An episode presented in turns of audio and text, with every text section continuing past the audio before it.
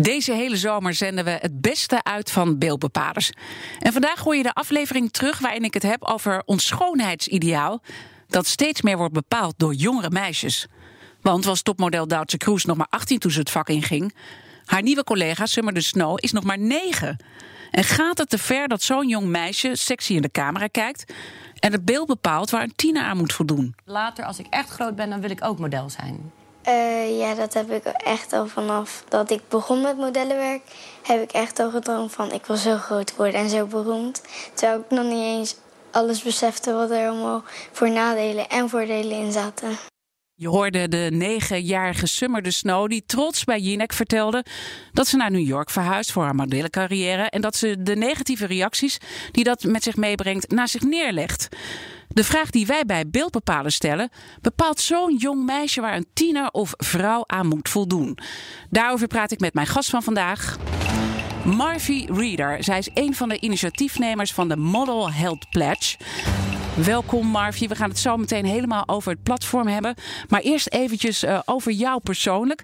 Oh uh, en laten we maar meteen even met het leeftijdsissue beginnen. Want RTL Boulevard noemt je altijd liefkozend de oma van de modellen.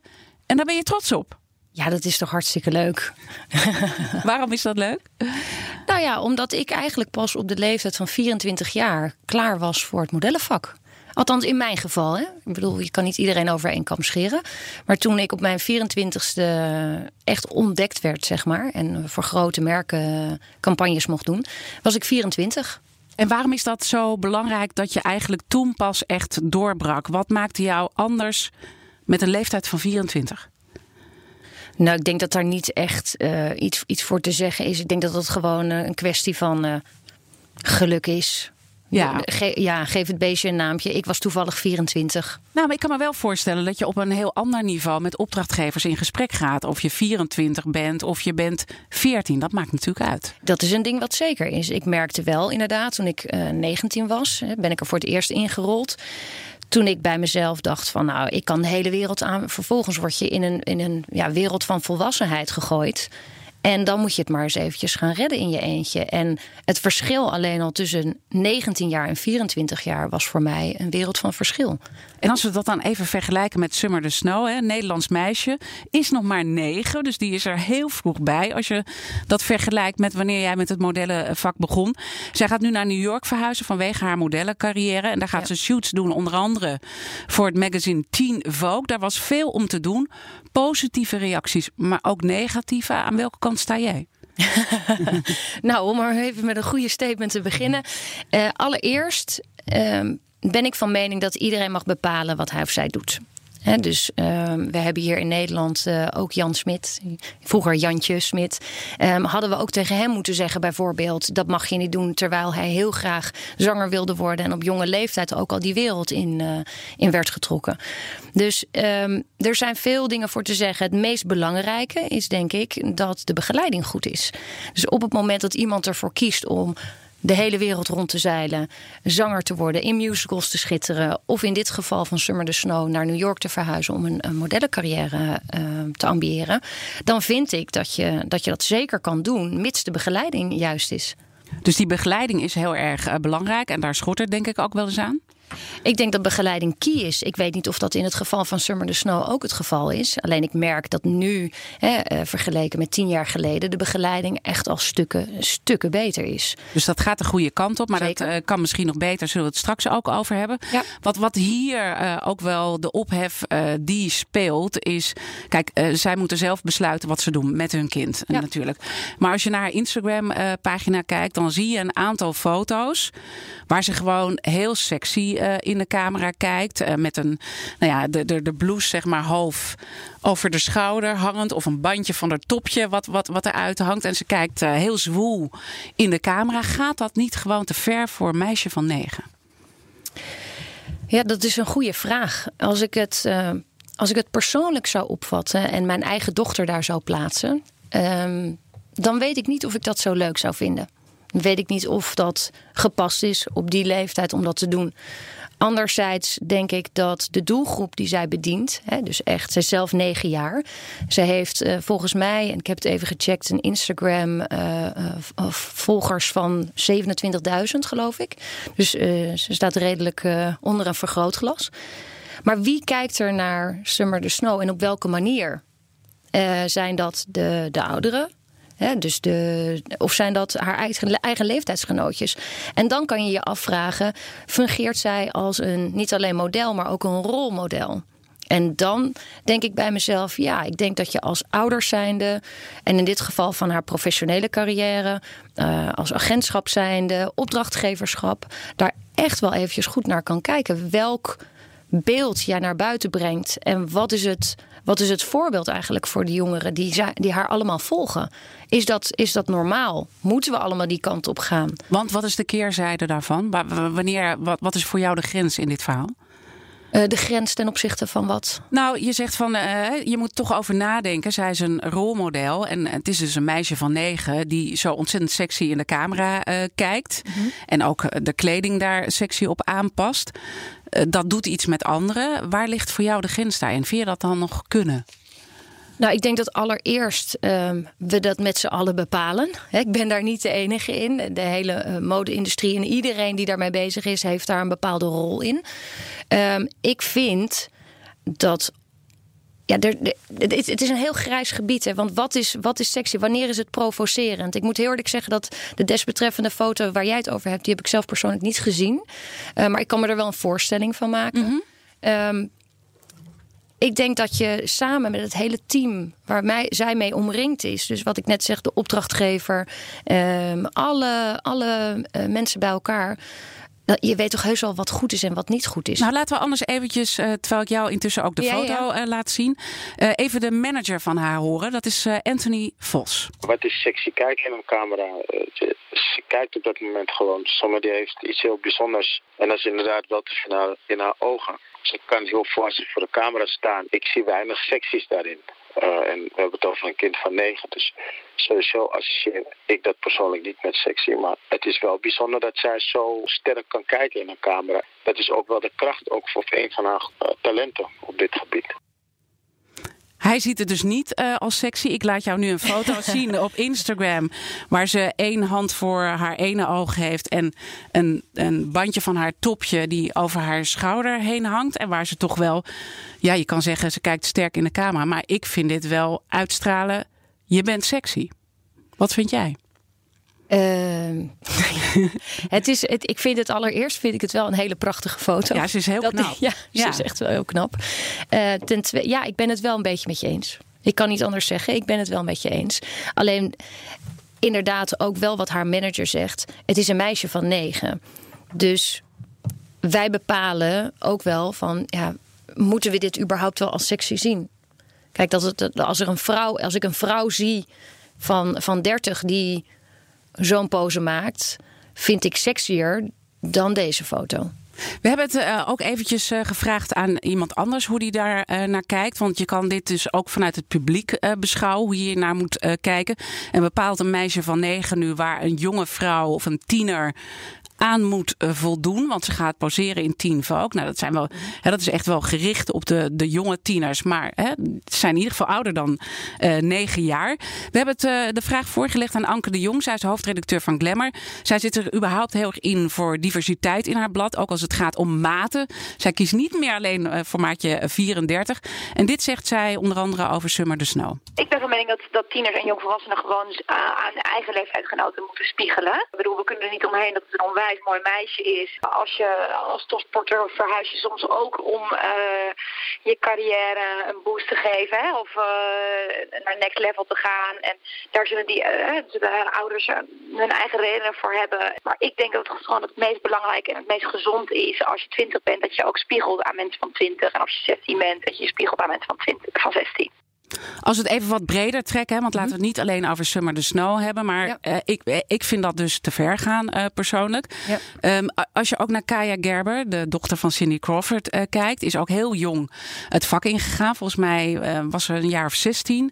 klopt. Eh, pauzeerde al voor Chanel. Nou, ik als vrouw van wat hogere leeftijd, nou, vind Chanel ook prachtig. Ik, ik lees ook die bladen en dan moet ik me als vrouw spiegelen aan zo'n jong meisje, eigenlijk met een kinderfiguur. Ik vind haar bloedmooi. Hè, dus dat, dat, dat is het niet. Maar ik vind dat wel lastig dat het zo opschuift. En dat zo'n jong meisje het beeld bepaalt waar ik als vrouw aan moet voldoen. Ja, klopt. In, dat, in dit geval, hoe jij het nu schetst, ben ik het helemaal met je eens. Kan niet anders zeggen. Ik vind wel dat we wel een onderscheid moeten maken tussen Summer the Snow, inderdaad. Fijn dat je het ook wat breder trekt. Maar tussen Summer the Snow, die negen jaar is en zich echt richt op haar doelgroep. En ik vind ook dat nou, wij kijken samen niet naar kinderkleding die zij toont. Of wij lezen niet de Teen Vogue. Wij weten heel goed waar, hoe oud zij is. En dat we ons daar niet aan hoeven te spiegelen. Terwijl op Instagram kan wel iedereen haar volgen. Hè? Dus dan richt Ja? zich wel op alle doelgroepen. Ja, klopt. Maar goed, jij kijkt ook naar Instagram. En het is, ik, tenminste, Ja. mag er niet van uitgaan. Maar eh, ik denk dat als jij haar Instagram bekijkt, dat je niet denkt: oh, ik wil er ook zo uitzien. Nee. Ik denk hooguit, het is, gaat te ver voor een meisje van negen dit. Oké, fair enough. Dan heb je het over een Kaya Gerber, inderdaad, die 16 jaar is. En in dat geval vind ik wel dat we met z'n allen moeten En dan heb ik het over de opdrachtgevers eh, en de hoofdredacteuren, hoofdredacteuren van, alle, van alle magazines. Dat inderdaad een meisje van 16 mag zij het beeld bepalen van iemand ehm, die de kleding wel kan betalen. Met de Models Health Pledge hoopt Marvie Rieder op een gezondere modebranche. Moet de industrie meer verantwoordelijkheid nemen en zijn er nog meer zaken die beter kunnen? Je hoort het zo meteen na de reclame in BNR Beeldbepalers. Welkom terug bij BNR Beeldbepalers. Dit keer hebben we het over jonge modellen. Hoe lang ben je? 1,74. Oeh. Weet je ook je maten? Mijn heupomvang is 100 centimeter. Ja, eh 100 eh, gaat eh, te veel worden voor eh, mijn jurken. Hoe oud ben je? 21. Oké. Ja. Misschien toch nog een paar kilootjes eh, Ja, klopt. kwijt te kunnen. Vooral hier. Je hoort een paar fragmenten uit het programma Holland's Next Topmodel. Mijn gast van vandaag is Marvie Reeder. Zij is een van de initiatiefnemers van de Models Health Pledge. En ze is zelf ook eh, topmodel eh, geweest. Dus weet ook hoe het is om in deze business rond te lopen. En als je net even deze fragmenten hoorde, wat gaat er dan door jou heen? ik moest er stiekem wel even om lachen. En eh, waarschijnlijk ook gewoon omdat je het zo gewend bent om het zelf ook te horen. Ehm, het is een soort feest der herkenning. Al moet ik zeggen dat ehm, ja, we zijn nu wel al wat jaren verder. Als ik kijk naar de, eh, de momenten die ik heb beleefd in mijn carrière, dat is toch alweer tien jaar geleden ongeveer. Ehm, ja, we zijn, we zijn wel al een stuk verder. En dat heeft ook te maken natuurlijk eh, met het bewustzijnsniveau waar we nu op, op zitten. Het is toch, je kan niet meer eh, zomaar iets doen. Je kan niet zomaar op een bepaalde manier met mensen opgaan, omgaan. Van je moet maar een paar kilo verliezen. Hoe je het doet, doe je. Of ehm, kleur je haar maar eh, een andere kleur, want eh, je moet voldoen aan het beeld. Ja. En we kijken nu veel meer naar diversiteit, ehm, gezondheid in de breedste zin des woords. We zijn al zoveel verder en zo anders bezig en beter bezig, vind ik. Dat, dat eigenlijk dat- dit fragment wat ik net hoorde helemaal niet meer anno nu is of zo. Ja, maar toch is dit anno nu. Dit is Ja. gewoon wat op dit moment eh, gebeurt. En ik hoorde je ook eerder zeggen, hè, die industrie die doet het eigenlijk eh, beter. En ze hebben ook allerlei beloftes naar buiten gebracht. Hè, dat we Ja. eh, in de Vogue niet meer meisjes onder de 18 eh, eh, laten zien. klopt. Nou ja, we zien daar wel een Kaya Gerber in staan, de dochter van Cindy Crawford. Nogmaals, ze is bloedmooi. Maar hè, ze voldoet niet aan die belofte. We hebben het net over Summer the Snow gehad. Die toch uitstraalt, eh, ehm, ook al vinden haar ouders dat prima, dat een meisje van negen sexy moet kijken eigenlijk om er een beetje leuk uit te zien. Want dat is dan haar eh, eh, doelgroep. Ja. Het is toch eigenlijk een beetje gek dat je als achtjarige dan wel dat beeld naar buiten brengt. Om, om, om te laten zien dat eigenlijk iedere achtjarige of negenjarige er ook zo op Instagram uit moet zien. Terwijl dat natuurlijk niet zo is. Ja. En, en, en, en als je daar dan naar kijkt en die industrie die dus toch allerlei uitzonderingen maakt. Ja. Gaat het dan echt zoveel beter? Of is het naar buiten toe, we doen allemaal leuke beloftes, maar intussen maken we een aantal uitzonderingen die gewoon misschien wel te ver gaan? Ik denk dat, zoals ik het nu kan zien, we zijn nu een aantal jaar verder met, uh, met ook de Models Health Pledge. We hebben een aantal uh, onafhankelijke onderzoeken hebben we gedaan. Waar ook uit is gebleken dat er ruimte is voor verbetering. En dan helemaal als je het hebt over mentale weerbaarheid. Dat is eh, vaak nog een ondergeschoven kindje. We hebben het natuurlijk over lichamelijke gewicht, noem maar op, hebben we het gehad. Dat heeft heel lang de boventoon gevoerd. Alleen, ja, wat, wat, wat doen die eisen met je? Wat doen die eisen mentaal met je? En hoe ga je daarmee om? En als je het breder trekt, inderdaad, uh, hoe gaat uh, de rest van de wereld daarmee om? Want als mode-industrie geef je een voorbeeld af. En hoe gaat de rest van, nou in dit geval Nederland, maar de wereld om met de druk van er mooi uitzien? Want dit is het beeld wat wij met z'n allen neerzetten in de mode-industrie. Dus jullie moeten daar maar met z'n allen aan gaan voldoen. Ik denk dat dat een, dat dat een hele realistische vraag is, die wij ook gesteld hebben binnen uh, het netwerk. Van goh, op welke manier gaan wij voldoen aan eigenlijk nu de diversiteit die er is in de hele wereld? Um, en zetten we dat ook op die manier in? Nou, je merkt dat het antwoord daarop is. Je ziet op de catwalk zie je meer diversiteit. Er worden uh, grotere maten worden er getoond. Kijk naar onze eigen Mart Visser, die ook met maatje meer toont. Ook de haute couture. Je hebt een verschil tussen de pret ja. en de haute couture. En in de haute couture zie je toch wel vaak uh, dat er nog wat slankere modellen uh, in meelopen. Dat gezegd hebbende natuurlijk, vind ik wel dat uh, je niet iedereen over één kam kan scheren. Want als ik kijk om mij heen, ik, alle modellen die in mijn tijd hebben meegelopen, die zijn van nature ook wel heel erg slank geweest. Op het moment dat jij niet kan voldoen aan bepaalde eisen, mits ze mits het realistische eisen zijn, laat ik dat voorop stellen. Dan vind ik dat je best modellenwerk kan doen. Het is de taak van een agentschap of de taak van de ouders om te zeggen: luister lieverd, je ziet er hartstikke mooi uit. Deze eisen worden gesteld. Jij kan daar niet aan voldoen. Hou ermee op. Ja, en, en dat platform wat jij hebt, daar zijn dus ook agentschappen bij aangesloten. Maar ook ja. ouders kunnen daar naartoe om ja. zich te laten informeren wat, wat wel en niet goed is uh, in dit verband.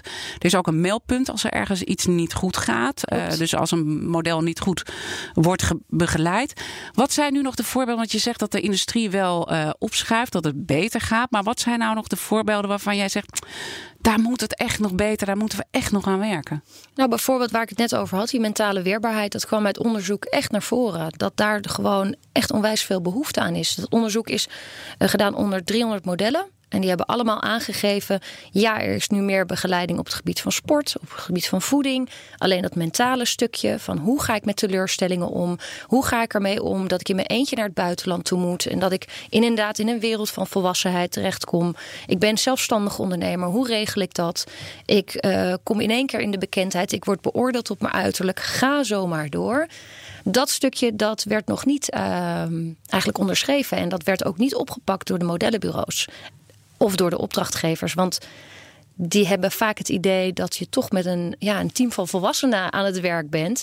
En daar word je al vaak onder geschaard als model, terwijl je misschien nog heel erg jong bent. Dus die begeleiding, die, uh, die mag meer worden. En als je dan ziet dat die modellen ook steeds meer andere platformen moeten gaan bedienen. Hè? Ja. Dus neem uh, Instagram, uh, ja. YouTube verhalen. Alles draait om het perfectionisme. Alles draait inderdaad om het perfectionist. Het perfecte plaatje creëren om maar meer volgers te creëren en jezelf te laten zien. Maar ja, waar houdt het op? He, want het is, het is je werk in dat opzicht. Maar het, het, het, vertaalt zich natuurlijk ook nog door naar je privéleven. Want als jij in één keer uh, andere plaatjes uh, op je Instagram gaat, gaat laten zien in je privéleven, waarin je geen make-up op hebt, of waar geen, dat vinden ze heel erg lastig. Zijn er ook jonge uh, meisjes die uiteindelijk een burn-out krijgen van deze situatie? Ja, er is uit onderzoek is al gebleken dat heel veel meisjes, tieners, zeg maar, uh, onder, onder de tien jaar zelfs, al daar tegen een burn-out aanlopen. En een van de oorzaken daarvan is, is dat ze het gevoel hebben dat ze aan het perfecte plaatje moeten voldoen. Dus daar ligt echt nog een taak voor de industrie om daar iets aan te doen. Ik denk dat er ja een, een, grote taak ligt bij de industrie, de mode-industrie. Omdat ik vind dat zo'n kleine, kleine groep uh, zoveel invloed heeft naar buiten. Hè. Radio, televisie, uh, media, noem maar op. Hè, wij, wij bepalen eigenlijk het beeld. En dat is iets heel moois. Maar ik vind dat dat ook wel heel erg uh, ja, precair is. Dat je daar echt wel goed over na moet denken. Wat voor modellen, rolmodellen in dat geval, jongens en meisjes, laten we dat niet vergeten, naar buiten brengen. Um, dus ja, ik vind, ik vind ja, het onwijs belangrijk dat we daar op die manier mee omgaan. Uiteindelijk, als het gaat om die weerbaarheid, uh, het zelfvertrouwen wat je in jezelf hebt, ben je ja. ook los van dat platform ook uh, je daar verder in aan het verdiepen en daar ook uh, programma's aan, op aan het loslaten, omdat je zegt dat is belangrijk. Vertel daar nog even het kort over. Ja, voor mij is dat key. Ehm, zelfvertrouwen, eigenwaarde, daar begint volgens mij alles mee. We hebben het nu in dit geval over de mode-industrie en over modellenwerk, maar dat vertaalt zich natuurlijk in alles. Alles wat je doet begint bij je eigen waarde. En in het kader daarvan heb ik een, uh, een event heb ik uh, georganiseerd. En dat gaat plaatsvinden 18 april. En daar gaan we dat soort dingen bespreken. Over waar begint het? Op welke manier ga je ermee om? Welke rol spelen je ouders daarin? Op welke manier kan je daar zelf uh, meer zelfvertrouwen krijgen? En ja, ik vind dat enorm spannend en heel erg leuk om te doen. Want je zegt eigenlijk, kinderen worden wel geboren met zelfvertrouwen, maar ze raken het kwijt onderweg. Nou ja, als je, er, als je ervan uitgaat. Tenminste, dat is, mijn, dat is mijn mening. Je, je wordt ermee geboren en het wordt afgeleerd eigenlijk. Um, ja, ik vind dat, uh, ja, dat, ik vind het heel erg belangrijk om dat, uh, om dat te doen. Nou, misschien kunnen we daar nog een keer uitgebreid uh, over verder praten. Maar we komen nu aan bij de conclusie eigenlijk van ja. deze uitzending, waar we gewoon nog eventjes wat dingen samenpakken. Maar jij spreekt uit ervaring. Je bent zelf topmodel geweest en je hebt dus dat uh, platform waar je ook inzet voor een gezondere modebranche. Uh, wat raad jij nou ouders van jongens en meisjes aan die eenzelfde droom hebben als Summer de Snow? Oh, dat is een goeie.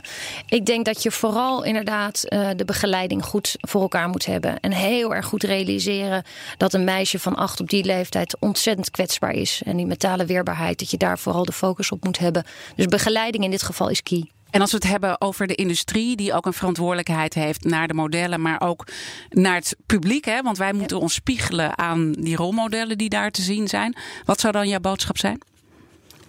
Ik denk precies hetzelfde. Ik denk dat dat niet verschilt van elkaar. Ik denk dat op welke leeftijd dan ook uh, je goed naar buiten moet laten, laten merken dat we verantwoordelijk bezig zijn.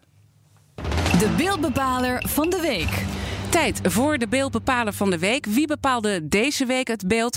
Redacteur Madelief van Haarlem is bij ons aangeschoven. Vertel, wat is de beeldbepaler van de week geworden? De beeldbepaler van de week is Cardi B. De rapster schreef geschiedenis tijdens de uitreiking van de Grammys. Dat zijn de belangrijkste muziekprijzen ter wereld. Ze won als allereerste vrouw ooit de award voor het beste rapalbum. Maar daar is niet iedereen het mee eens. Het gevolg, ze kreeg onwijs veel negatieve reacties op haar social media kanalen. En dan met name op Instagram. Nou, Cardi zou Cardi niet zijn. Ze pikt het niet en ze laat flink van zich horen. Luister even mee. I'm sick of this shit. I worked hard for my motherfucking album. I remember last year when I didn't want for Bodak Yellow, everybody was like, Cardi got snubbed, Cardi would have got snubbed. Now this year's a fucking problem. Nou, je hoort het al, ze is hartstikke boos.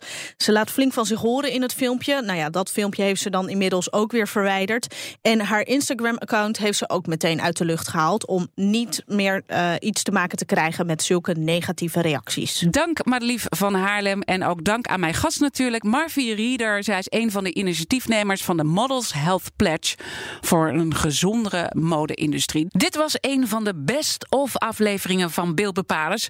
Wil je nou meer afleveringen horen? Ga dan vooral even naar de site, de app, iTunes of Spotify. Mijn naam is Diana Matroos. Tot de volgende keer.